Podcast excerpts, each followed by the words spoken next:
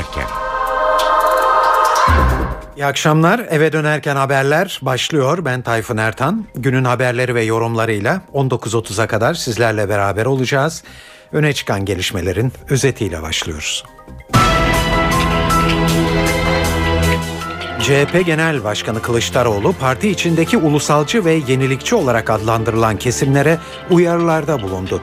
Kılıçdaroğlu'nun tartışmanın fitilini ateşleyen Birgül Ayman Güler'e de doğrudan eleştirileri vardı. Meclis kürsüsüyle üniversite kürsüsü aynı değil dedi. Yargıtay cemevi ibadethane değildir diyor ama yerel mahkeme aksi yöndeki kararında ısrarlı. Ankara 16. Asliye Hukuk Mahkemesi Çankaya'daki cemevinin kapatılması talebini ikinci kez reddetti. Enerji Bakanı Taner Yıldız açıkladı, Şubat'ta doğalgaza zam yapılmayacak. Yeni Milli Eğitim Bakanı Nabi Avcı okullardaki serbest kıyafet uygulamasının değiştirileceğini söyledi.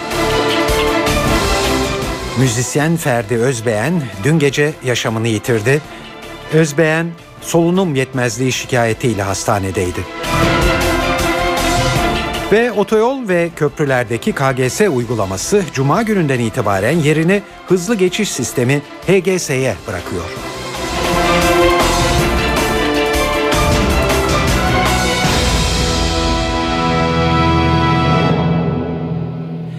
Haberlerde siyaset ağırlıklı bir günü geride bıraktık. Gündemde bir yanda CHP içindeki tartışmalar, diğer yanda İmralı'da Abdullah Öcalan'la yapılan görüşmelere ilişkin açıklamalar ve yeni bilgiler vardı.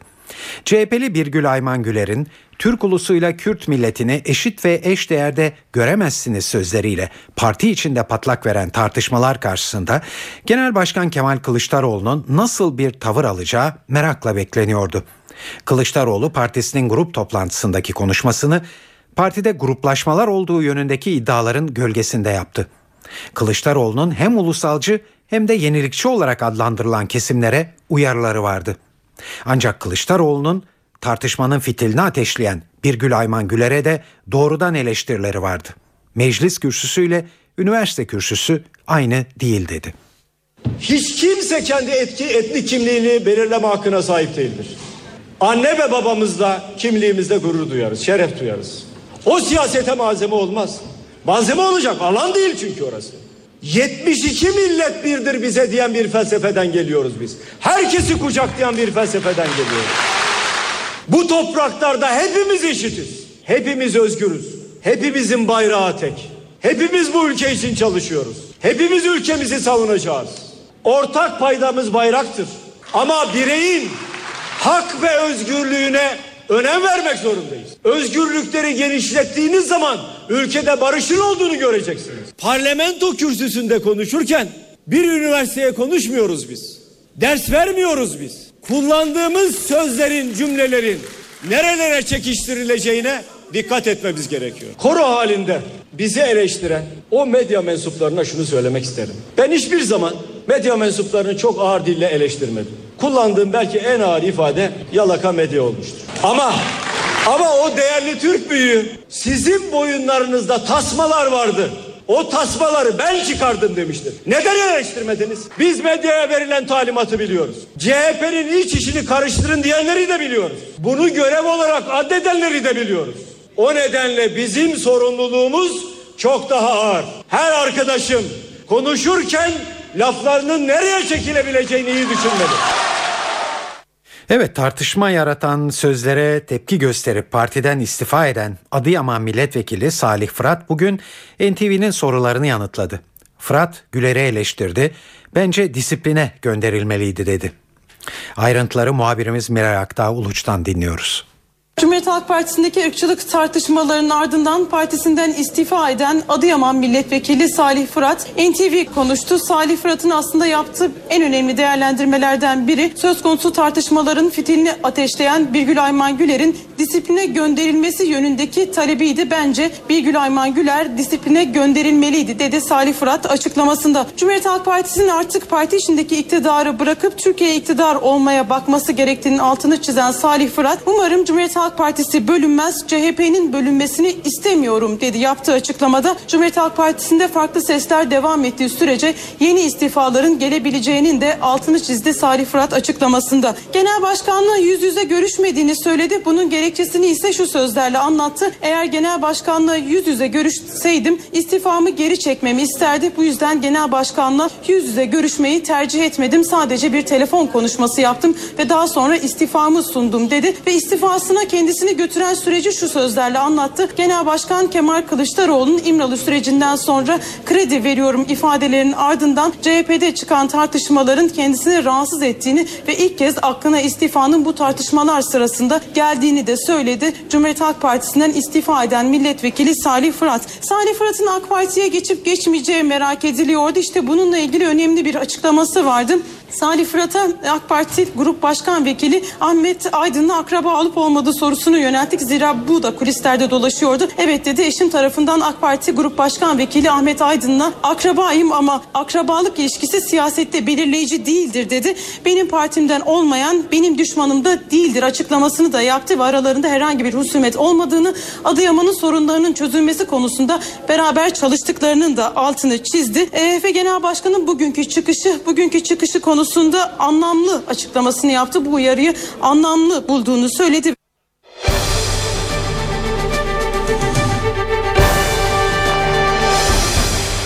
Kürt sorununun çözümü için İmralı'da Öcalan'la başlatılan görüşme süreci hakkında bugünkü gazetelerde yeni bilgiler hem de gayet ayrıntılı somut bilgiler yer alıyor. Bu haberlerde Abdullah Öcalan'ın önümüzdeki günlerde eylemsizlik için çağrıda bulunacağı ve PKK'nın bu çağrıya uyacağı ileri sürülmekte. Öyle ki bu adıma paralel olarak sembolik sayıda tahminen 100 kadar PKK'lının silahlarını bırakarak sınır dışına çıkacağı da iddia ediliyor. BDP eş başkanı Gülten Kışanak gazetelerdeki bu haberleri partisinin grup toplantısında değerlendirdi. Kışanak sürecin henüz başlangıcında kamuoyunda PKK'nın silah bırakacağı yönünde bir beklenti oluşturmak tehlikeli dedi. Biz şunu gerçekten yanlış buluyoruz ve e, hatta tehlikeli buluyoruz. Ortada hiçbir resmi bilgi olmadan, hiçbir siyasi bağlayıcılığı olmadan kamuoyunda bu kadar yüksek beklenti yaratan spekülatif haberleri tehlikeli buluyoruz. Yani kamuoyunu özel olarak bu kadar silah bırakmaya angaje eden böylesine büyük bir beklenti yaratan bir politika yarın tökezlediğinde hayal kırıklığı da o kadar derin olur. Hükümet neden bunu yapıyor bilmiyoruz. Hükümetin çıkıp bilgi vererek kamuoyuna açıklanmış ve kamuoyundan desteğini almış bir görüşme var. O zaman bu konuda bilgi vermekten artık kaçınmaması lazım.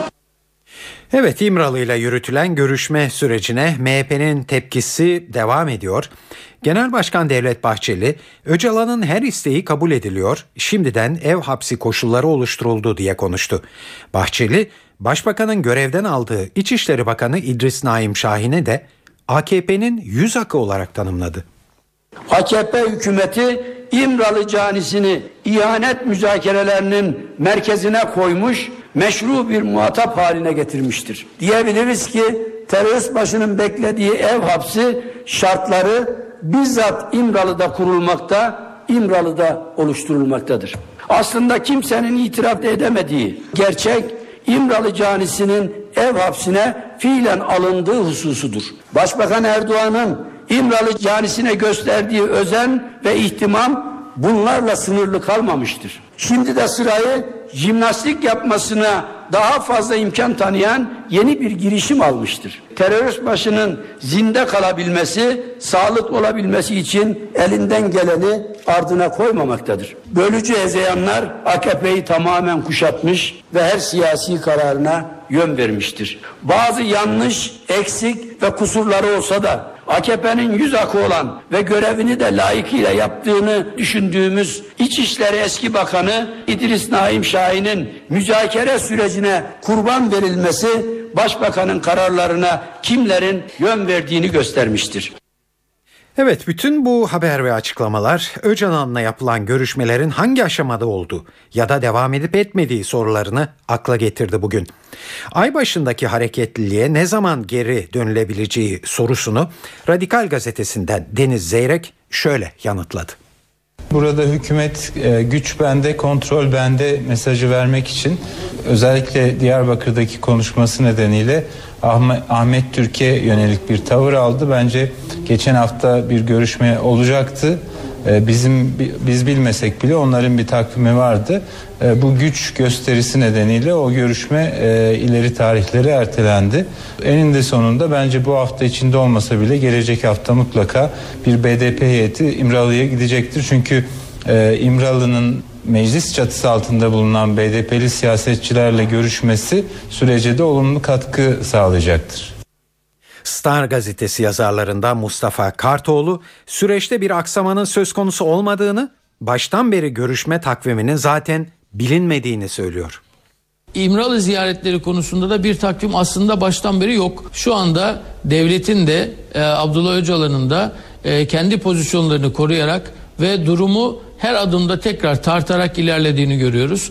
Ahmet Türk e, ve belki e, Demirtaş'la birlikte e, başka bir iki ismin daha İmralı'yı ziyareti mümkün. Bunun zamanlamasının doğrusu çok fazla bilemeyeceğiz. Muhtemelen olduğunda öğreneceğiz. Zira bizim yaptığımız değerlendirmeler gördüklerimize dahi değerlendirmeler. Görmediğimiz arka planda neler döndüğünü e, iktidar partisi, iktidar kanadı biliyor, devlet biliyor. Dolayısıyla gündemi de aslında biraz onlar belirleyecek. Tabi görüşmeler süreci bir aşamada Kuzey Irak yönetiminin yani Erbil'in de devreye girmesini gerektirecek. Bu noktada tabi Irak Kürtlerinin lideri Mesut Barzani'nin oynayacağı rol kritik bir nitelik kazanacak. Radikal'den Deniz Zeyre'ye bir kez daha kulak veriyoruz. Bu e, sürecin en önemli aşamalarından biri Türkiye'deki PKK'lıların silah bırakıp Kuzey Irak'a geçmesiydi. E, ikinci aşamada Kuzey Irak'taki bütün PKK unsurlarının e, silah bırakmasıydı. Bir şekilde PKK'nın yönetici kadrolarının da Türkiye'ye dönme şansı olmayacağı için başka ülkelerde ya da Kuzey Irak'ta hayatlarını devam ettirmeleri gibi projeler söz konusu. Haliyle Kuzey Irak'ta atılacak her bir adımın e, Barzani tarafından e, verilecek destekle gerçekleşmesi söz konusu olacak. Dolayısıyla Barzani PKK'nın silah bırakmasıyla sonuçlanacak bir e, sürecin e, baş aktörlerinden biri.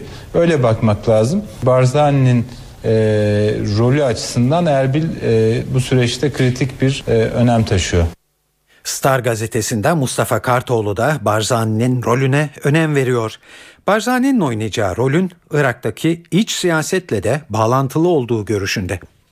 Şimdi Barzani ile ilgili olarak söylenecek şey çok aslında Barzani pozisyonu çok açık. Barzani Bağdat'taki e, Maliki yönetimiyle Türkiye arasında e, bir e, tercih yapmak durumunda kaldığında e, küçük ya da büyük bir tercih e, bunun, bu tercihin Türkiye'den yana kullandığını biliyoruz. Enerji politikalarında bunu çok açık gördük zaten. O yüzden e, terörle mücadele konusunda da Türkiye'nin yanında yer almasından daha doğal bir şey yok. Bir de zaten pozisyon itibariyle hedef Türkiye kaynak Kuzey Irak oldukça e, Türkiye ile Kuzey Irak yönetimi e, bu e, terörün bitirilmesi konusunda ister istemez e, birinci ilk iki e, muhatap ilk iki aktör olmak durumunda kaldı ki Türkiye bu işi çözse e, herhalde Barzani'de kendi topraklarında kendisinden farklı bir askeri gücün silahlı gücün olmasını çok da arzu etmez. E, Dolayısıyla e, orada Türkiye'nin Barzani ile birlikte çalışmasından daha doğal bir şey yok. Hatta şu anda var olan çalışmanın yeterli boyutta olmadığı, daha da derinleştirilmesi, geliştirilmesi gerektiği konuşuluyor. Terör Türkiye'de son 30 yılda toplam 35 bin can aldı. Meclis Terör Alt Komisyonu 3 aylık bir çalışma sonunda terörün bilançosunu çıkardı. Raporda İmralı sürecine de atıfta bulunuldu. Çözüm için aralanan kapı iyi değerlendirilmeli dendi. Raporun ayrıntılarını NTV muhabiri Özden Erkuş anlatıyor.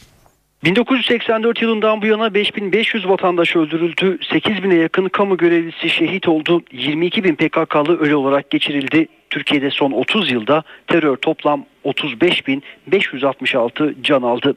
Bu çarpıcı istatistikler Meclis İnsan Haklarını İnceleme Komisyonu bünyesinde kurulan Terör Alt Komisyonu'nun raporunda. Terör Alt Komisyonu raporunu tamamladı. Raporda İmralı sürecine atıfta bulunuldu. Çözüm için aralanan kapı iyi değerlendirilmeli tespiti yapıldı. Terörü güvenlik eksenli bakış açısıyla çözmeye çalışmak, belli bir seviyede tutmaktan başka bir işe yaramadı ifadesi kullanıldı. Terörden etkilenen herkesin kucaklanması gerektiğinin belirtildiği raporda şiddeti yöntem olarak kullananlar düşman değil suçlu olarak görülmeli denildi. Çözüm için yeni anayasa işaret edildi.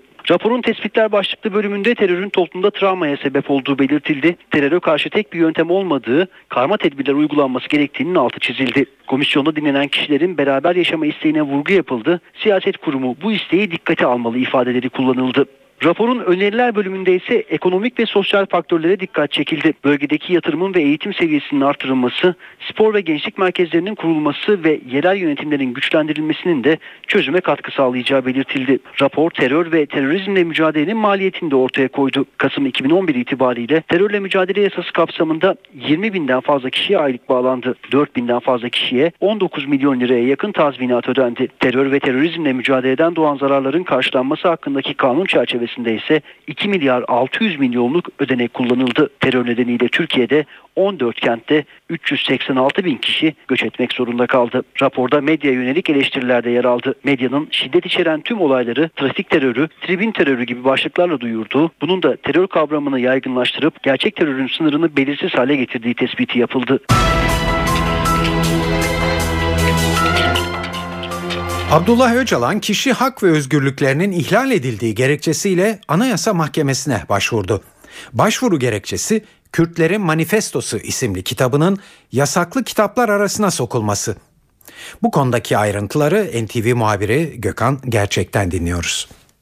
Öcalan ismi son dönemde gündemde Kürt sorunun çözümü için gerçekleştirilen MİT ve BDP görüşmeleriyle daha çok adı ön plana çıktı ama bugün Abdullah Öcalan'ın kişi hak ve özgürlüklerinin ihlal edildiği gerekçesiyle Anayasa Mahkemesi'ne başvurdu ortaya çıktı. Başvuru gerekçesi tecrit değil, başvuru gerekçesi yasaklı kitaplar. Evet Öcalan'ın kaleme aldığı bir kitap vardı. E, Kürtlerin Manifestosu isimli bir kitaptı. Bu kitabın yasaklanmasının düşünce ve kanaat hürriyetinin ihlali olduğunu vurgulayan Öcalan başvurusunda kitaplar basılmadan el konulmasının hukuk dışı bir uygulama olduğunu ifade etti ve bu gerekçelerle Anayasa Mahkemesi'ne başvurdu. Kürtlerin Manifestosu isimli bir kitap basım aşamasındayken yasaklanan bir kitaptı. Bu insan hakları ihlali olduğu gerekçesiyle Öcalan avukatları aracılığıyla Anayasa Mahkemesi'ne mağdur sıfatıyla başvurdu. Yeni uygulanmaya başlanılan bireysel başvuru hakkından yararlanan Öcalan başvuru dilekçesinde uygulama ile anayasanın 25. maddesiyle güvence altına alınan düşünce ve kanaat hürriyetinin ihlali suçunun işlendiğini öne sürdü. Dilekçede kitapla ilgili herhangi bir toplama veya yasaklama kararı olmadan e, kitaplara basılmadan el konulmasının hukuk dışı bir uygulama ol, olduğu da ifade edildi. Başvurunun ön inceleme safhatinde olduğunu söyleyebiliriz. Bunun sonucunda İmralı cezaevi üzerinden bir yazılı yazışma bir yazışma yapıldı. Başvuruda bazı eksiklerin olduğu Öcalan'a bildirildi. Eksikliklerin tamamlanması için e, süre verildi. E, bu eksiklik eksikliklerin tamamlanmasının ardından Anayasa Mahkemesi Öcalan'ın başvurusunu e, resmen işleme koyacak, e, gündeme alacak ve nihai kararı verecek. Eğer başvuruyu haklı bulursa Abdullah Öcalan'ın bu çalışması da basıldığında bizzat kendi adıyla kamuoyuna sunulmuş olacak. Aslında daha önce Ankara Özgürlük Hakimleri tarafından verilen bir karar var. Öcalan'ın Kürt sorununda demokratik çözüm bildirgesi, 12 Eylül faşizmi, PKK direnişi, barışa doğru Roma konuşmaları adlı kitaplar da yasaklıydı. Bu yasakların sürmesi için bir başvuru yapıldı ama ama Ankara Özgürlük Hakimliği tarafından bu kitaplar üzerindeki yasak kaldırıldı. Yasakların sürmesi yönündeki talep reddedildi. Şimdi Anayasa Mahkemesi'nden bu kitaba Kürtlerin Manifestosu isimli kitaba ne yanıt gelecek merakla bekleniyor. Gökhan Gerçek NTV Radyo Ankara. Yargıtay cemevi ibadethane değildir dedi yerel mahkeme aksi yöndeki kararında ısrar etti. Ankara 16. Asliye Hukuk Mahkemesi Çankaya'daki cemevinin kapatılması talebini ikinci kez reddetti. Mahkeme red gerekçesinde çarpıcı tespitlere de yer verdi. Gerekçede devletin neyin din ve ibadethane sayılacağını belirlemesi laiklik ilkesiyle çelişir cemevlerinin faaliyette bulunmasını kısıtlayan sebepler somut delillerle ortaya konulmadığı sürece demokratik bir toplumda cemevlerinin varlığı engellenemez denildi. Kararda Türkiye'nin bu konuda Avrupa İnsan Hakları Mahkemesi'nde mahkum olduğunu hatırlatan mahkeme, toplumda kabul görmüş farklı düşünceler ve ibadetler dolayısıyla Aleviliğin ibadet şekli ve yerleri de olağan karşılanmalıdır ifadelerine yer veriliyor. Yargıtay, cami ve mescit dışında bir yerin ibadethane olarak kabul edilmesinin mümkün olmadığı gerekçesiyle mahkemenin kararını bozmuştu. Cemevleriyle ilgili nihai kararı Yargıtay Genel Kurulu verecek. Şubat ayında doğalgaza zam yapılmayacak. Enerji Bakanı Taner Yıldız, önümüzde doğalgaz fiyatlarını arttıracak bir unsur yok. Bu nedenle vatandaşlarımız rahat olsun. Şubat ayında doğalgaza zam yapılmayacak dedi. Tabi doğalgazla ilgili olarak son günlerde bir haber duyuldu. Duyulduğunda akıllara yaşanan facialar geliyor. Son olarak İstanbul'da bir anne ve dört çocuğunun hayatını kaybettiği olay tesisat ve baca sisteminin ehil ellere teslim edilmesi gerektiğini bir kez daha gözler önüne serdi. İGDAŞ yöneticisi Nusret Alkan, bakım ve onarım mutlaka surette yetkili servisler tarafından yapılması gerekir diye konuştu. Talebimiz, isteğimiz tesisatlara müdahale edilmemesi gaz açıldıktan sonra. Yani müdahale edilmemesi derken ilave cihaz bağlantılarının yapılmaması, cihaz yeri değişikliklerinin yapılmaması, menfezlerin kapatılmaması, eğer bir cihaz yeri değişikliği gereksinimi hissediliyorsa vatandaşlarımız tarafından bunu ilk başa bildirerek yapmaları güvenli doğalgaz kullanımı için, doğalgaz kaynaklı bu tür kazaların bir daha yaşanmaması için son derece önemlidir. Bugüne kadar bir şekilde İKTAŞ'ın bilgisi dışında tesisatlara ilave cihaz bağlantısı yapılmış olan, yapmış olan abonelerimiz e, bunu mutlaka e, 187 acil hattımızı arayarak İKTAŞ'a bildirsinler. Burada belki yetkili servislerin biraz pahalı olduğu algısı vatandaşı yetkili servislerden uzaklaştıran unsurların başına gelmektedir. Aslında gerçek boyutu da bu değildir. Ancak her ne koşulda olursa olsun yani daha uygun maliyette olsa bile yetkisiz kişiler tarafından yapılan bu tür bakımların e, sonucunda e, can ve mal emniyetini tehdit edecek oluşumların beraberinde geleceği asla unutulmamalıdır. Yeni Milli Eğitim Bakanı Nabi Avcı okullardaki serbest kıyafet uygulaması ile ilgili yeni çalışma yapılacağını söyledi. Uygulamanın gözden geçirileceğini ve tarafların ortak bir noktada buluşturulacağını belirten Avcı bunu geri adım olarak yorumlamayalım ifadesini kullandı geri dönme tabirleriyle değil de daha çok ben düzenleme diyorum. Düzenlemeler üzerinden konuşursak ortak bir noktada tarafları buluşturmak daha kolay. Onun için e, bu tür çatışmacı tabirler üzerinden değil, daha uzlaşmacı terimler üzerinden konulara bakalım. O konuyu nispeten daha iyi biliyorum.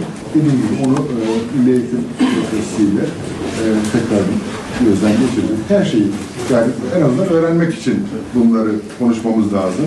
Alınan kararların gerekçeleri, e, karşı e, görüşlerin gerekçeleri bunları daha içeriden bilgilerle öğrendikten sonra ben daha rahat karar verebilir ve konuşabilirim. Yapamayacağımız şeyin sözünü vermeyeceğiz. Sözünü verdiğimiz şeyleri de Allah'ın izniyle yapmaya çalışacağız. Başbakan Erdoğan'ın hafta sonu silahlı kuvvetlere mensup komutanların tutukluk sürelerinin uzunluğunu eleştirmesi siyaset gündeminde tartışma yarattı. Muhalefet liderleri Kemal Kılıçdaroğlu ve Devlet Bahçeli başbakanı eleştirdiler. MHP lideri Bahçeli askerlerin yargılandığı davalar bir an önce sonuçlanmalı dedi. Başbakanı olayı istismar etmekle suçladı. Vakit daha fazla geç olmadan Türk Silahlı Kuvvetleri'nin mensupları hakkında yürüyen davalar sonuçlanmalı ve karara bağlanmalı. Başbakan Erdoğan'ın bu süreçten sızlanması için timsah gözyaşlarından başka bir şey değildir. Bizzat kendisinin terörle mücadeleye gönderecek komutan bulmakta dahi zorluk çektiklerini gündeme getirmesi Türk Silahlı Kuvvetleri'nin ne hallere düşürüldüğünün açık ispatıdır darbe davalarının savcısı olduğunu söylemeye kadar işi götüren başbakanın Türk askerinin moralinin derdine düşmesi inandırıcı olmadığı gibi yeni bir istismarın da ta kendisidir. Başbakanı eleştiren bir diğer isim CHP lideri Kemal Kılıçdaroğlu'ydu. Kılıçdaroğlu başbakana vicdanın yeni mi uyandı diye seslendi. Günaydın beyefendi. Yeni mi aklın başına geldi? Eleştiri yapanları darbeci olarak suçlayan sen değil miydin? O davaların savcılığını üstlenen sen değil miydin? Nasıl oluyor da bu kadar hızlı bir çark gündeme geldi? Sayın Başbakan'ın vicdanı yeni mi uyandı? Jeton yeni mi düştü? Onu bilmiyoruz. Evet bu arada donanma komutanı Oramiral Nusret Güner'in emekliliğini istemesinin ardından bugün bazı gazetelerde Deniz Kuvvetleri Komutanlığında görevli bazı amirallerin de emeklilik dilekçelerini verdiklerine ilişkin iddialar yer aldı. Bu yöndeki iddialar Genelkurmay Başkanlığı tarafından yalanlandı. Silahlı kuvvetler habere konu olan Tu amiraller Şevket Şerefeli ve Alp Demirus'un emekliliklerini istedikleri haberi gerçek dışıdır dedi. Balyoz davasında savcı 36 sanığın beraat etmesine itiraz etti. Savcı Hüseyin Kaplan, Yargıtay'a gönderilmek üzere mahkemeye sunduğu 17 sayfalık dilekçesinde beraat eden sanıkların darbe planını hayata geçirmek üzere hazırlanan görev listelerinde adlarının yer aldığını ileri sürdü. Savcı sanıkların bilgisi ve kabulü olmadan listelerde adlarının yazılmasının mümkün olmadığını savundu. Savcı Kaplan, sanıklar birbirleriyle irtibatlıdır ve verilen görevleri kabul etmişlerdir dedi. Sanıklar hakkında darbeye teşebbüs suçundan ceza verilmesi gerektiğini savunan savcı, beraat kararı usul ve yasaya aykırıdır, bozulması gerekir dedi. Eskişehir Belediyesi'ne yolsuzluk iddiasıyla düzenlenen operasyonda gözaltına alınan 23 kişiden 7'si serbest bırakıldı. İmar ihalesinde usulsüzlük yaptıkları iddiasıyla gözaltına alınan diğer 16 zanlının emniyetteki sorgusu sürüyor. Operasyona tepki gösteren Belediye Başkanı Yılmaz Büyükerşen bugün bir açıklama yaptı ve soruşturmaya gerek yok dediği ihale dosyasının tekrar açılmasının yaklaşan yerel seçimler öncesinde düşündürücü olduğunu söyledi. Başbakan Erdoğan resmi ziyaret için gittiği Katar'da Yunanistan Başbakanı Andonis Samaras'la bir araya geldi. Gündemde Batı Trakya'daki Türk azınlığın yaşadığı ibadet sıkıntıları ve İstanbul'daki ruhban okulunun akıbeti vardı. Görüşmeye ilişkin notları Doha'da bulunan NTV muhabiri Yağız Şenkal anlatıyor. Yunanistan Başbakanı ile yaklaşık bir saate yaklaşan sürpriz bir görüşme yaptı Başbakan Erdoğan. Samaras'la görüşmesini anlattı. Erdoğan, Türkiye ile Yunanistan arasındaki ikili görüşmeleri ele aldık dedi ama burada şimdi asıl önemli olan Batı Trakya'daki Türk azınlık. Çünkü dünkü Bakanlar Kurulu'nu hatırlayalım. Bülent Arınç'ın bir açıklaması vardı. İbadet özgürlüğüne yönelik bazı sınırlamalar var Yunanistan hükümeti tarafından demişti. Vakıf kurmalarına yönelik sıkıntılar yaşanıyor, kısıtlayıcı tedbirler yaşanıyor demişti. İşte onlar bugün burada her iki liderin görüşmesinde masaya yatırıldı. Başbakan Erdoğan Batı Trakya'daki sorunları değerlendirdik dedi ve aramızda bir anlaşmaya vardık dedi. E, karşılıklı tekrar buluşacağız ve görüşeceğiz ve bu sorunları çözeceğiz dedi. Peki ruhban okulu gündeme geldi mi? Anladığımız kadarıyla bu bir saatlik görüşmede çok kısa da olsa ruhban okulu da gündeme gelmiş. Ruhban okulu açılıp açılmayacak diye bir soru sorulmuş Başbakan Erdoğan'a. Başbakan Erdoğan da inşallah olur demiş böyle bir yanıt vermiş ancak detayını söylemedi. Saat 18.32 NTV Radyo'da eve dönerken haberleri dinliyorsunuz. Seni gördüm o günden beri Kalbim perişan, gönlüm bir deli Sana yazdım beni anlatan Aşkınla dolu bu Müzisyen Ferdi Özbeğen dün gece yaşamını yitirdi. Bir süredir kanser tedavisi gören Özbeğen solunum yetmezliği şikayetiyle önceki gün hastaneye kaldırılmıştı. Ünlü sanatçının tedavisine uyutularak devam ediliyordu ancak müdahaleler yeterli olmadı. 72 yaşında ölen Özbeğen'in naaşı yarın toprağa verilecek. Sanatçı için ilk tören Cemal Reşit Rey konser salonunda yapılacak. Levent Camii'nde kılınacak cenaze namazının ardından Ulus Mezarlığı'nda toprağa verilecek. 41 yılda 28 albüm çıkaran Özbeğen'in Kandil, Büklüm Büklüm, işte bu bizim hikayemiz ve Sevda isimleri şarkıları klasikleşmişti.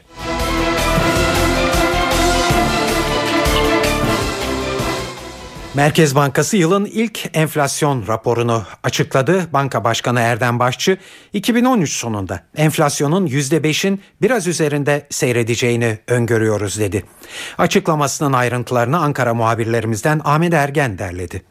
Enflasyon konusunda yılın geri kalanında özellikle tütün ürünleri ve sigaraya başka bir zam olmayacağı varsayımıyla hazırlandığını söyledi Erdem Başçı ve 2013 yıl sonu tahminini %5,3 olarak koruduklarını söyledi. %3,9 ile %6,7 aralığında bir enflasyon bekleniyor. Orta noktası %5,3 2013 için. 2014 içinde orta noktası %4,9 olan bir tahmin var. %3,1 ile %6 %6,7 arasında orta vadede enflasyonun %5 düzeyinde istikrar kazanacağını da ifade etti Erdem Başçı. İki konuda daha dikkat çeken değerlendirmeleri var Merkez Bankası Başkanı'nın. Kredi derecelendirme kuruluşları soruldu Merkez Bankası Başkanı'na. Bu konuda da aslında e, haddinden fazla konuşulduğunu ifade etti Erdem Başçı ve kredi derecelendirme kuruluşlarının önemi giderek azalıyor. Artık reytinglerin eskisi kadar önemi kalmadı dedi. Bu da önemli bir mesajdı. Bu yıl için riskler neler diye sorulduğunda ise e, Merkez Bankası Başkanı finansal piyasalardaki belirsizliğin çok düşük olduğuna dikkat çekti ama özellikle gelişmiş ülkelerdeki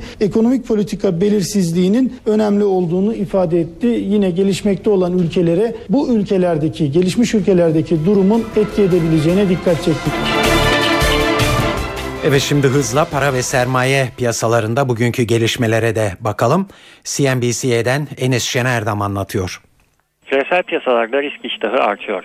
Gelişmiş ülkelerde fonlar güvenli liman olarak görülen tahvillerden çıkarken hisse senedi piyasalarına yönelmiş durumda.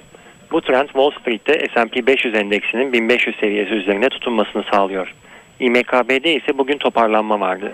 Dün Moody's'den gelen açıklamalar ve İş Bankası Vakfı'nın piyasaya hisse satacağı haberleriyle bankalar öncülüğünde %4 gerileyen ve son 2 yılın en sert düşüşünü yaşayan borsa bugünü kayıpların bir kısmını telafi ederek %1.25 primle tamamladı.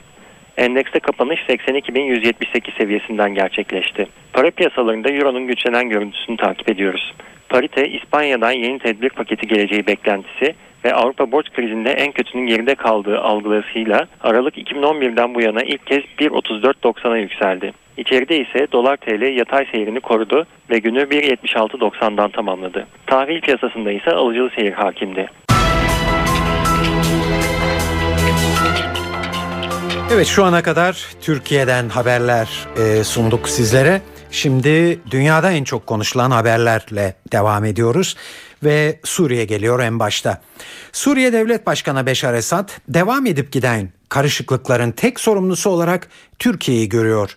Esad, Türkiye sınırı militanların geçişine kapatılırsa isyancıların silahlanması ve finansmanının önüne geçilmiş olur bu durumda iki hafta içinde ülkemdeki tüm sorunlar çözülür diye konuştu. Esad bu açıklamayı uzun bir aradan sonra kabul ettiği gazetecilere yaptı. Lübnan'da yayınlanan ve Hizbullah'a yakınlarıyla bilinen El Ahbar gazetesi Esad'la Şam'da 3 saat süren görüşmenin izlenimlerini okuyuculara aktardı. Esad ziyaretçilerine ordunun duruma giderek daha fazla hakim olduğunu anlattı. Son dönemde dışarıdan finanse edilen silahlı gruplara ciddi darbeler vurulduğunu söyledi. Esad silahlı grupların sadece Türkiye, Ürdün ve Lübnan sınırları yakınlarındaki bölgelerde etkili olduğunu belirtti. Suriye lideri Amerika Birleşik Devletleri'nin şu anda bir çözüme hazır olmadığına da işaret etti. Rusya'nın Şam'a desteğinin süreceği görüşünü de dile getiren Esad, Moskova Suriye yönetimini değil kendini savunuyor dedi. Beşar Esad ziyaretçilerine sürpriz bir açıklama da yaptı ve eşi Esma'nın dördüncü kez hamile olduğunu söyledi. Birleşmiş Milletler Türkiye'yi Suriyeli mültecilere sağladığı imkanlar nedeniyle övdü.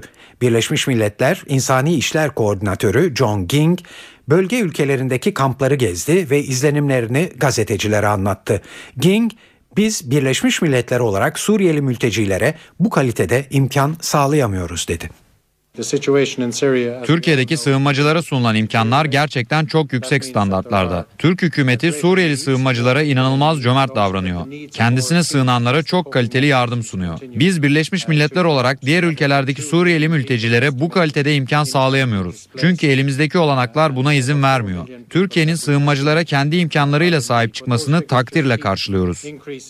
John Ging, Birleşmiş Milletler'in Suriyelilere insani yardım ulaştırmakta karşılaştıkları zorluklara da değindi. Suriye yönetiminin vize konusunda bürokratik zorluklar çıkardığını ifade eden Ging, rejim tarafından tutuklanan 18 Birleşmiş Milletler personeliyle irtibat kurulamadığını da söyledi. Birleşmiş Milletler tarafından açıklanan son rakamlara göre Suriye'deki çatışmaların başlamasından bu yana komşu ülkelere sığınmış mültecilerin sayısı 700 bini aşmış durumda. Brezilya'da 233 kişinin yaşamını yitirdiği gece kulübü yangınının şoku atlatılamadı. Santa Maria kentinde düzenlenen bir yürüyüşle yaşamını yitirenler anıldı. Hüznün hakim olduğu yürüyüşte gökyüzüne balonlar bırakıldı. Yangından kurtulanların anlattıkları da yaşananları gözler önüne serdi. Não tinha. O que, que ia fazer, né? Öleceğimi düşündüm. Yapabilecek bir şey yoktu. Yangın çıkmıştı ve herkes çığlık atıyordu. İnsanlar birbirlerinin üzerlerine basıyordu. O sırada dışarı çıkmaya çalışıyordum. Tanrı'ya şükür beni kurtardılar. Soruşturma çerçevesinde gece kulübünün iki sahibiyle yangın gecesi sahneye çıkan grubun iki üyesi gözaltına alındı. Bazı görgü tanıkları korumaların insanların kaçıp hesaplarını ödemeyecekleri düşüncesiyle çıkışı engellediğini iddia ediyor. Yangında ölenlerin sayısının daha da artabileceğinden korkulmakta. Zira olayda yaralanan yüzden fazla kişiden 75'inin durumu gayet ağır. Mısır'da tansiyon düşmüyor. Ülke genelinde 5 gündür devam eden çatışmalarda 52 kişinin ölmesi üzerine 3 kentte sokağa çıkma yasağı ilan edilmişti. Ancak bu yasağa uyulmuyor. Sokaklarda gösteriler devam ediyor. Polisin sert müdahalesine göstericiler de karşılık veriyor. Cumhurbaşkanı Muhammed Mursi'nin kenti Zagazig'de bile çatışmalar yaşanıyor. Çok sayıda muhalifin katıldığı gösterilerde Mursi'nin devrime ihanet ettiği ileri sürülmekte. Devrimin simgesi Tahrir Meydanı'nda çıkan çatışmalarda ise polis taş atan göstericilere karşı göz yaşartıcı gaz kullandı. İki askeri zırhlı araçta ateşe verildi. Mısır Genelkurmay Başkanlığı ise siyasi krizin devam etmesi halinde devletin çökeceği uyarısında bulundu.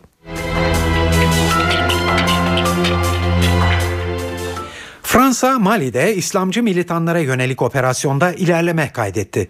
Son olarak Fransız ve Mali askerleri kuzeyde militanların elindeki tarihi Timbuktu kentinin kontrolünü ele geçirdi. Fransız yetkililer tek bir kurşun dahi atılmadığını, kentin kan akmadan alındığını belirttiler. Hava operasyonlarının başlamasıyla bölgeyi terk eden radikal İslamcı militanlar kaçarken içinde paha biçilmez el yazmalı tarihi eserlerin bulunduğu kütüphaneyi de ateşe verdi. Bölge halkı ise Fransız askerlerini görmekten mutlu görünüyor. Halk Fransız ve Mali askerlerini sevinç gösterileriyle karşıladı. Şimdi Fransız askerlerinin hedefinde militanların son kalesi olarak görülen Kidal kenti var. Fransa'nın Mali'de 2900 askeri var. Bazı Afrika ülkeleri de Fransa'ya askeri destek veriyor.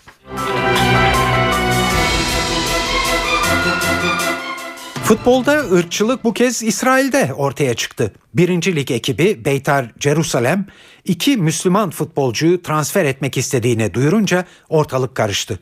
Birçok taraftar takımlarının bu kararını protesto etti. Hafta sonu oynanan lig maçında bir grup taraftar Beytar daima saf kalacak yazılı bir pankart açtı. Diğer taraftarlar da gruba alkışlarıyla destek verdi.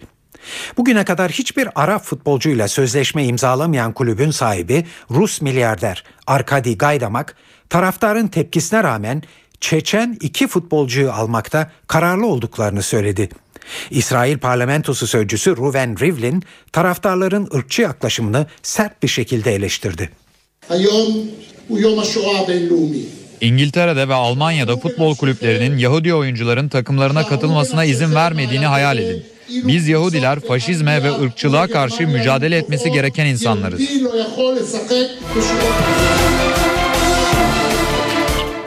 Hollanda kraliçesi Beatrix tahtından feragat etti. Beatrix tahtını oğlu Prens Willem Alexander'a devredecek.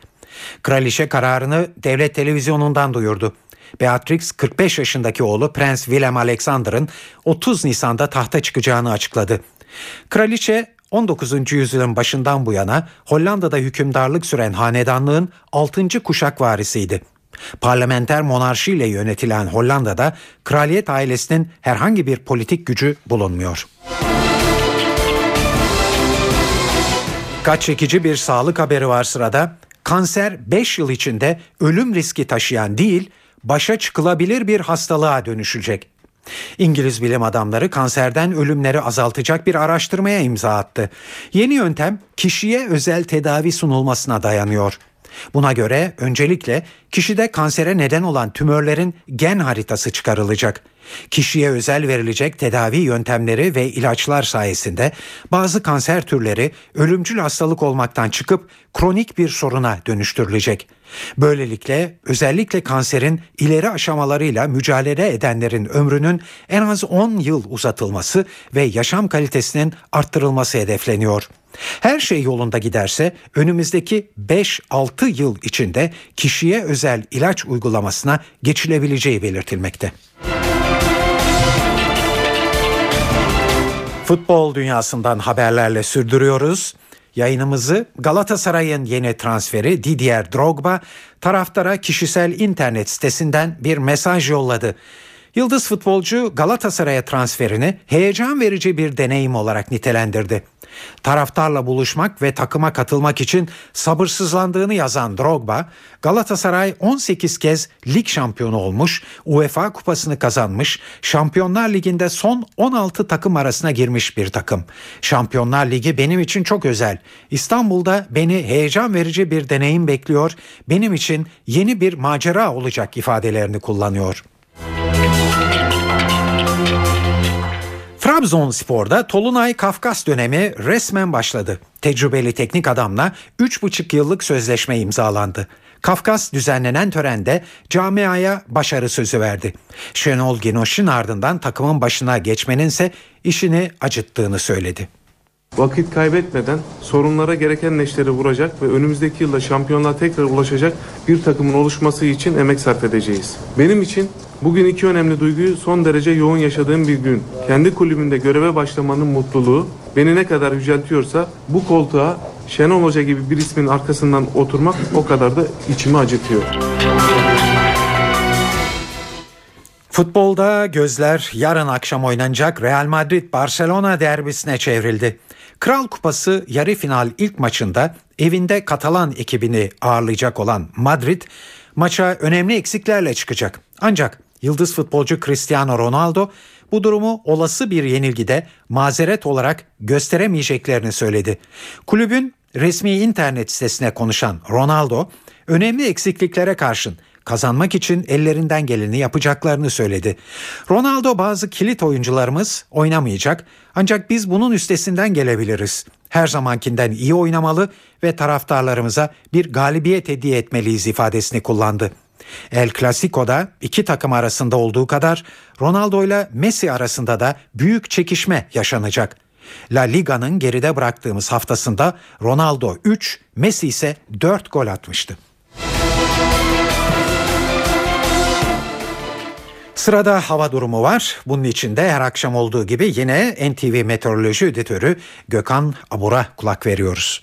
Soğuk hava yurt genelindeki etkisini sürdürüyor. Perşembe günü hava daha da soğuyacak. Cuma günü Güney Ege ve Akdeniz'de sıcaklıklar birkaç derece yükselecek. Hafta sonu ise kuvvetli rolosla birlikte batıda sıcaklıkların daha da yükselmesini bekliyoruz. Yarın Ege ve Marmara'da yağış görülmeyecek. Hava soğuk. İç kesimlerde hafif kar ve karla karışık yağmur görülürken Doğu Karadeniz'de kıyı kesimlerde yağmur, iç kesimlerde karla karışık yağmur ve yükseklerde kar var. Doğu Anadolu'da Van Hakkari arasında kar yağışı aralıklarla devam ederken Güneydoğu'da ve Akdeniz'de sağanaklar giderek kuvvetlenecek. Perşembe günü Doğu ve Güneydoğu'da yağış yağışlar daha da kuvvetlenirken Marmara ve Batı Karadeniz yeniden yağışlı havanın etkisine girecek. Evet İstanbul'da yarın yağış beklemiyoruz. Hava bulutlu, sıcaklık en fazla 5 dereceye çıkacak. Perşembe günü yeniden yağış geliyor. Ankara'da yarın öğleden sonra hafif kar var. Sıcaklık gündüz 4, gece ise eksi 3 derece olacak. İzmir'de yarın hava güneşli ama karayel kuvvetli. O bakımdan hissedilen sıcaklıklar düşük olacak. Sıcaklık en fazla 8 derece hissedilir.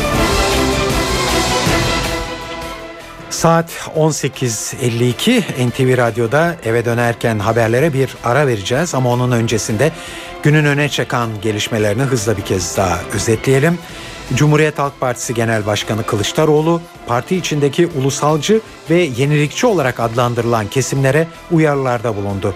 Kılıçdaroğlu'nun tartışmanın fitilini ateşleyen Birgül Ayman Güler'e de doğrudan eleştirileri vardı. Meclis kürsüsüyle üniversite kürsüsü aynı değil dedi. Yargıtay cemevi ibadethane değildir dedi ama yerel mahkeme aksi yöndeki kararında ısrar etti. Ankara 16. Asliye Hukuk Mahkemesi Çankaya'daki cemevinin kapatılması talebini ikinci kez reddetti. Enerji Bakanı Taner Yıldız açıkladı, Şubat'ta doğalgaza zam yapılmayacak.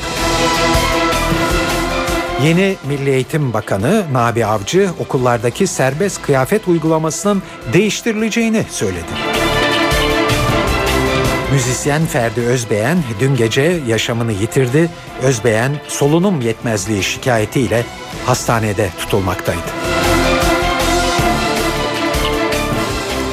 Yargıtay cemevi ibadethane değildir dedi ama yerel mahkeme aksi yöndeki kararında ısrarcı oldu. Ankara 16. Asliye Hukuk Mahkemesi Çankaya'daki cemevinin kapatılması talebini ikinci kez reddetti. Enerji Bakanı Taner Yıldız açıkladı, Şubat'ta doğalgaza zam yapılmayacak. Müzisyen Ferdi Özbeğen dün gece yaşamını yitirdi. Özbeğen solunum yetmezliği şikayetiyle hastanedeydi. Otoyol ve köprülerdeki KGS uygulaması Cuma gününden itibaren yerini hızlı geçiş sistemi HGS'ye bırakıyor.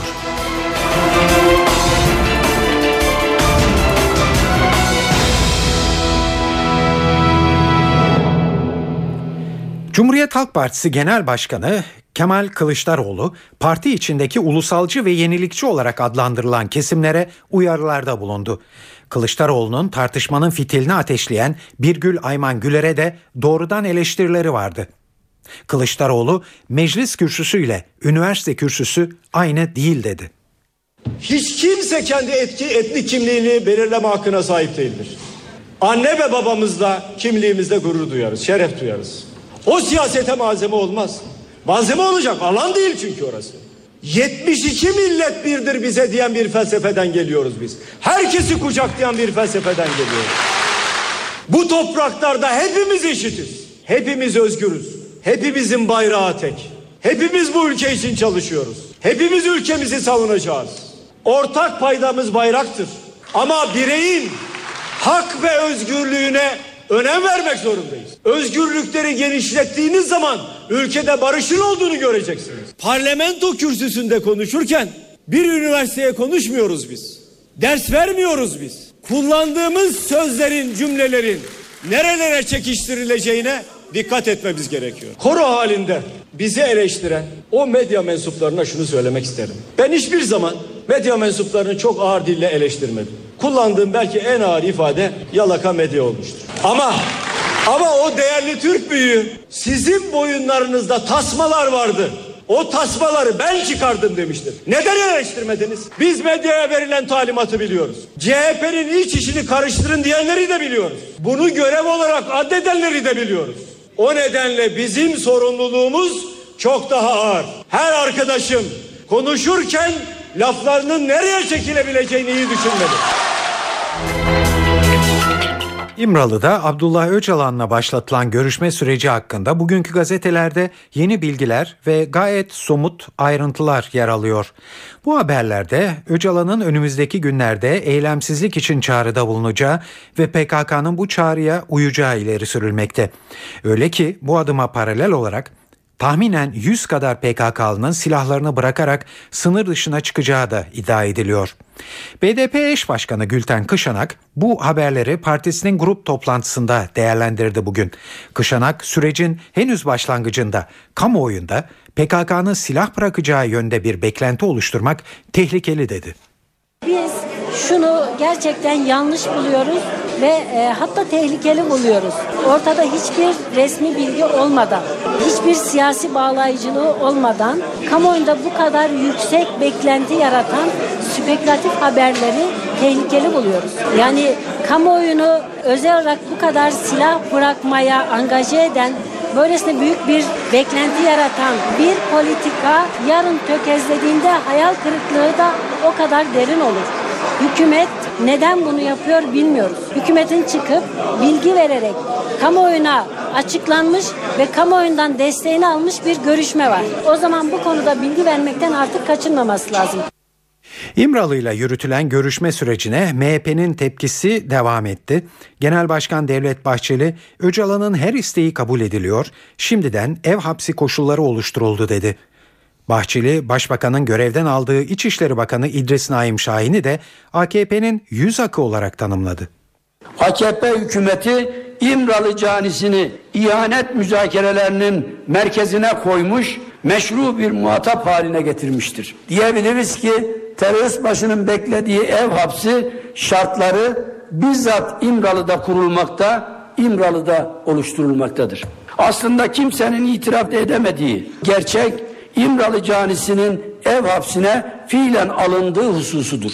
Başbakan Erdoğan'ın İmralı canisine gösterdiği özen ve ihtimam bunlarla sınırlı kalmamıştır. Şimdi de sırayı jimnastik yapmasına daha fazla imkan tanıyan yeni bir girişim almıştır. Terörist başının zinde kalabilmesi, sağlık olabilmesi için elinden geleni ardına koymamaktadır. Bölücü hezeyanlar AKP'yi tamamen kuşatmış ve her siyasi kararına yön vermiştir. Bazı yanlış, eksik ve kusurları olsa da AKP'nin yüz akı olan ve görevini de layıkıyla yaptığını düşündüğümüz İçişleri Eski Bakanı İdris Naim Şahin'in müzakere sürecine kurban verilmesi Başbakanın kararlarına kimlerin yön verdiğini göstermiştir. Yargıtay cemevi ibadethane değildir dedi. Yerel mahkeme aksi yöndeki kararında ısrar etti. Ankara 16. Asker, Asliye Hukuk Mahkemesi Çankaya'daki cemevinin kapatılması talebini ikinci kez reddetti. Mahkeme red gerekçesinde çarpıcı tespitlere yer verdi. Gerekçede devletin neyin din ve ibadethane sayılacağını belirlemesi laiklik ilkesiyle çelişir. Cemevlerinin faaliyette bulunmasını kısıtlayan sebepler somut delillerle ortaya konulmadığı sürece demokratik bir toplumda cemevlerinin varlığı engellenemez denildi. Kararda Türkiye'nin bu konuda Avrupa İnsan Hakları Mahkemesi'nde mahkum olduğunu hatırlatan mahkeme, toplumda kabul görmüş farklı düşünceler ve ibadetler dolayısıyla Aleviliğin ibadet şekli ve yerleri de olağan karşılanmalıdır ifadelerine yer verildi. Yargıtay, cami ve mescit dışında bir yerin ibadethane olarak kabul edilmesinin mümkün olmadığı gerekçesiyle mahkemenin kararını bozmuştu. Cemevleriyle ilgili nihai kararı Yargıtay Genel Kurulu verecek.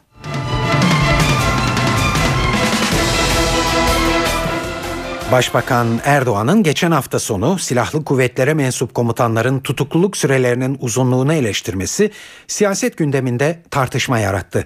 Muhalefet liderleri Kemal Kılıçdaroğlu ve Devlet Bahçeli başbakanı eleştirdiler. MHP lideri Bahçeli, askerlerin yargılandığı davalar bir an önce sonuçlanmalı dedi. Başbakanı olayı istismar etmekle suçladı.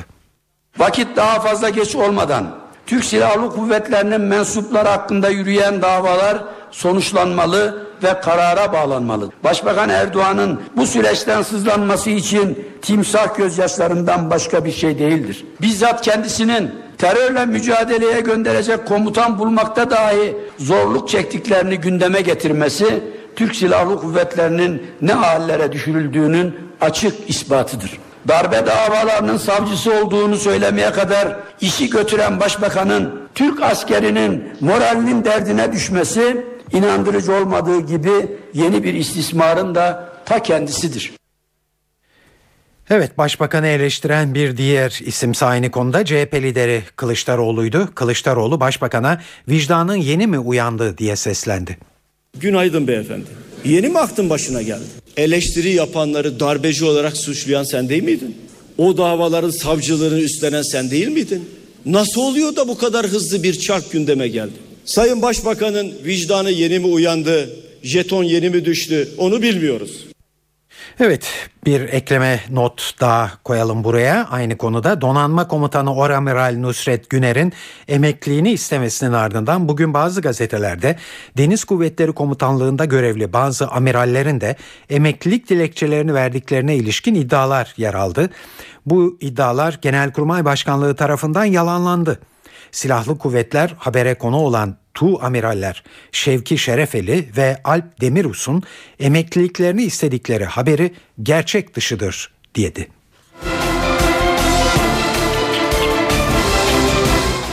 Kartlı geçiş sistemi uygulaması KGS Cuma gününden itibaren yerini hızlı geçiş sistemi HGS'ye bırakacak. KGS sahipleri geçiş kartlarını PKK PTT şubelerinden HGS kartlarını değiştirmek zorundalar. Araç sahiplerini uyaran Ulaştırma Bakanı Binali Yıldırım sürenin bir kez daha uzatılmayacağını söyledi. Fiziki olarak 1 Şubat'tan itibaren gişelerden geçiş mümkün olmayacak. Mağduriyet yaşanmaması için vatandaşlarımızın bugün yarın tedarikli olması lazım. Ona göre tedbirleri alalım. Uzatma yok. Vatandaşlarımız da bilsinler. Artık KGS'yi uzatmıyoruz. Son 1-2 gün KGS sahipleri kartlarındaki paraları isterlerse HGS etiketlerine aktarabilecekler. HGS KGS'ye göre %20 daha ucuza geçiş yapma imkanı da sağlayacak. HGS sayesinde başta Boğaziçi ve Fatih Sultan Mehmet köprüleri gelmek üzere otoyol gişelerinde oluşan kuyrukların azaltılması amaçlanıyor.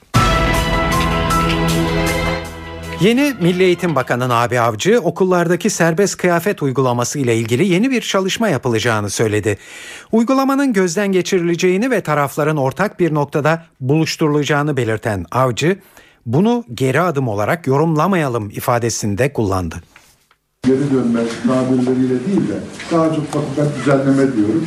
Düzenlemeler üzerinden konuşursak ortak bir noktada tarafları buluşturmak daha kolay.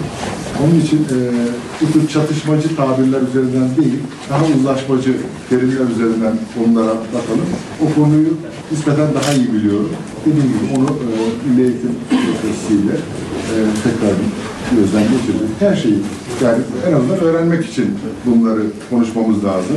Alınan kararların gerekçeleri, e, karşı e, görüşlerin gerekçeleri bunları daha içeriden bilgilerle öğrendikten sonra ben daha rahat karar verebilir ve konuşabilir. Yapamayacağımız şeyin sözünü vermeyeceğiz. Sözünü verdiğimiz şeyleri de Allah'ın izniyle yapmaya çalışacağız.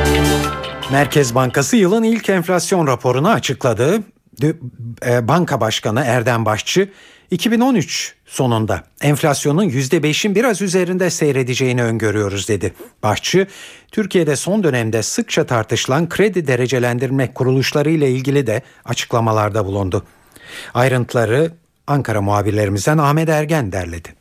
Enflasyon konusunda yılın geri kalanında özellikle tütün ürünleri ve sigaraya başka bir zam olmayacağı varsayımıyla hazırlandığını söyledi Erdem Başçı ve 2013 yıl sonu tahminini %5,3 olarak koruduklarını söyledi. %3,9 ile %6,7 aralığında bir enflasyon bekleniyor. Orta noktası %5,3 2013 için. 2014 içinde orta noktası %4,9 olan bir tahmin var. %3,1 ile %6 %6,7 arasında orta vadede enflasyonun %5 düzeyinde istikrar kazanacağını da ifade etti Erdem Başçı. İki konuda daha dikkat çeken değerlendirmeleri var Merkez Bankası Başkanı'nın. Kredi derecelendirme kuruluşları soruldu Merkez Bankası Başkanı'na. Bu konuda da aslında e, haddinden fazla konuşulduğunu ifade etti Erdem Başçı ve kredi derecelendirme kuruluşlarının önemi giderek azalıyor. Artık reytinglerin eskisi kadar önemi kalmadı dedi. Bu da önemli bir mesajdı. Bu yıl için riskler neler diye sorulduğunda ise e, Merkez Bankası Başkanı finansal piyasalardaki belirsizliğin çok düşük olduğuna dikkat çekti ama özellikle gelişmiş ülkelerdeki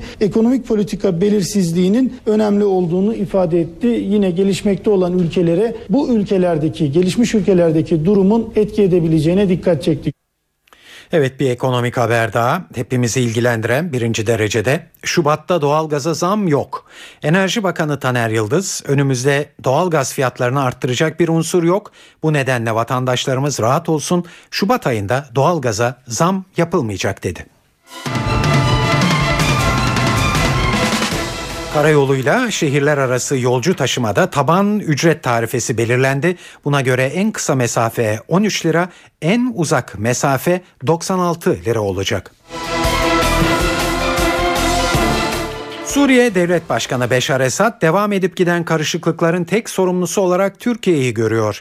Esad, Türkiye sınırı militanların geçişine kapatılırsa isyancıların silahlanması ve finansmanın önüne geçilmiş olur.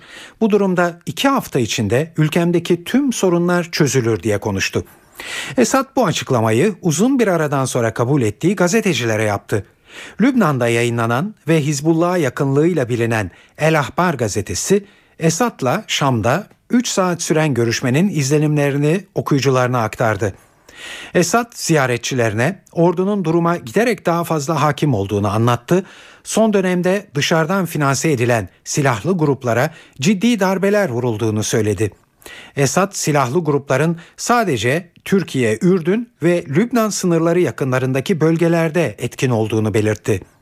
Suriye lideri Amerika Birleşik Devletleri'nin şu anda bir çözüme hazır olmadığına da işaret etti. Rusya'nın ise Şam'a desteğinin süreceği görüşünü dile getiren Esad, Moskova Suriye yönetimini değil kendini savunuyor dedi. Beşar Esad ziyaretçilerine sürpriz bir açıklama da yaptı ve eşi Esma'nın dördüncü kez hamile olduğunu söyledi.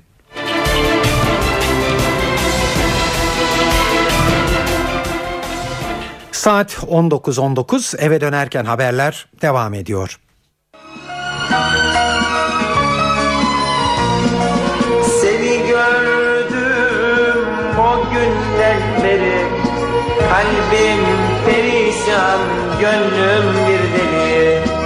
Sana yazdım beni anlatan Aşkınla dolu bu sözlerini Müzisyen Ferdi Özbeğen dün gece yaşamını yitirdi.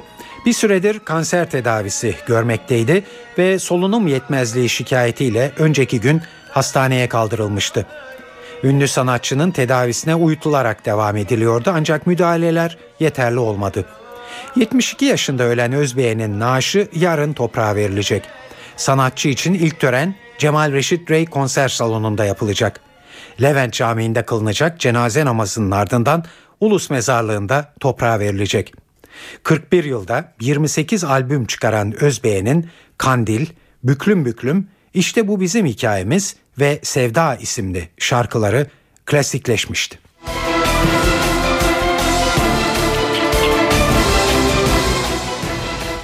Saat 19.21 eve dönerken haberlere kültür ve sanat dünyasından gelişmelerle devam edeceğiz şimdi. Size çeşitli etkinliklerden bir derleme sunuyoruz. Pop, rock ve folk türlerini sentezlediği kendine özgü tarzıyla Kanada'nın en sevilen kadın yıldızlarından biri haline gelen Ima bugün İş Sanat Kültür Merkezi'ne konuk oluyor. Dünya basınının Dalida kadar güzel, şarkıları Pink Martini ve Monica Molina kadar sıcak olarak bahsettiği Ima saat 20'den itibaren iş sanatta. Modern Arjantin tangosunun yaratıcısı, ünlü besteci Astor Piazzolla'nın eserlerini yorumlamak üzere bir araya gelen Piatango'da bu gece 22.30'da Beyoğlu'ndaki Hayal Kahvesi'nde olacak. Önder Focan, Swing Ala Türk projesiyle bugün Nardis Jazz Club sahnesinde. Çoğu Türk sanat müziği kökenli parçaları caz disiplininde yorumlayan grup saat 21.30'da başlayacak konserine. Kumbaracı 50 sahnesinde de bugün Evaristo adlı oyunu görebilirsiniz. Evaristo yazarı Civan Canova'nın deyimiyle yaşsız bir kadının hayata tutunma mücadelesi. Nihal Koldaş'ın yönettiği oyunda Ayşenil Şamlıoğlu'nu izliyoruz. Oyunun başlama saati 20.30. İstanbul dışından da önerilerimiz var. Semih Sergen'in yazıp yönettiği Bir Hilal Uğruna adlı oyun bugün Ankara'da Altındağ Tiyatrosu'nda görülebilir. İstiklal Marşı'nın unutulmaz şairi Mehmet Akif'i belgelere dayanarak sanatseverlerle buluşturan oyunun başlama saati 20. Halit Turgay, Ayça Kocatürk, Emir Özoğlu ve Sezin Ahmet Türkmenoğlu'ndan oluşan Caziz Quartet bugün İzmir'de bir konser veriyor. Ahmet Adnan Saygun Sanat Merkezi'ndeki konser saat 20'de başlayacak. Bursa Büyükşehir Belediyesi Şehir Tiyatrosu bir Shakespeare klasiği Macbeth'le seyirci karşısında. Güç tutkusunun insan ruhu üzerindeki etkisini konu alan oyunu İstanbul Devlet Tiyatrosu sanatçısı Kubilay Karslıoğlu yönetiyor. Orhan Gazi salonunda seyirciyle buluşacak olan oyun saat 20'de başlayacak. CNBC-E'de ise bu gece saat 22'de Reese Witherspoon ve Mark Ruffalo'nun başrollerini paylaştığı Just Like Heaven adlı film var. Filmde Witherspoon, sevgilisi, sosyal yaşamı ve mesai arkadaşları dışında arkadaşı olmayan Doktor Elizabeth rolünde. Ruffalo ise kısa süre önce hayatını değiştiren bir olay yaşamış peyzaj mimarı David karakterine hayat veriyor. Bugün saat 20'de ise Star TV'de 20 dakika adlı diziyi ardından da saat 23'te Çalgı Çengi adlı komedi filmini izleyebilirsiniz.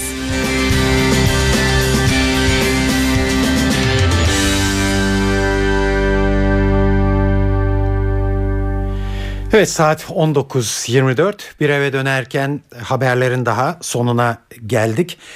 Bu yayınımızın editörlüğünü e, Sevan Kazancı ve stüdyo teknisyenliğini İsmet Tokdemir yaptı. Ben Tayfun Ertan. Hepinize iyi akşamlar diliyoruz. Hoşçakalın.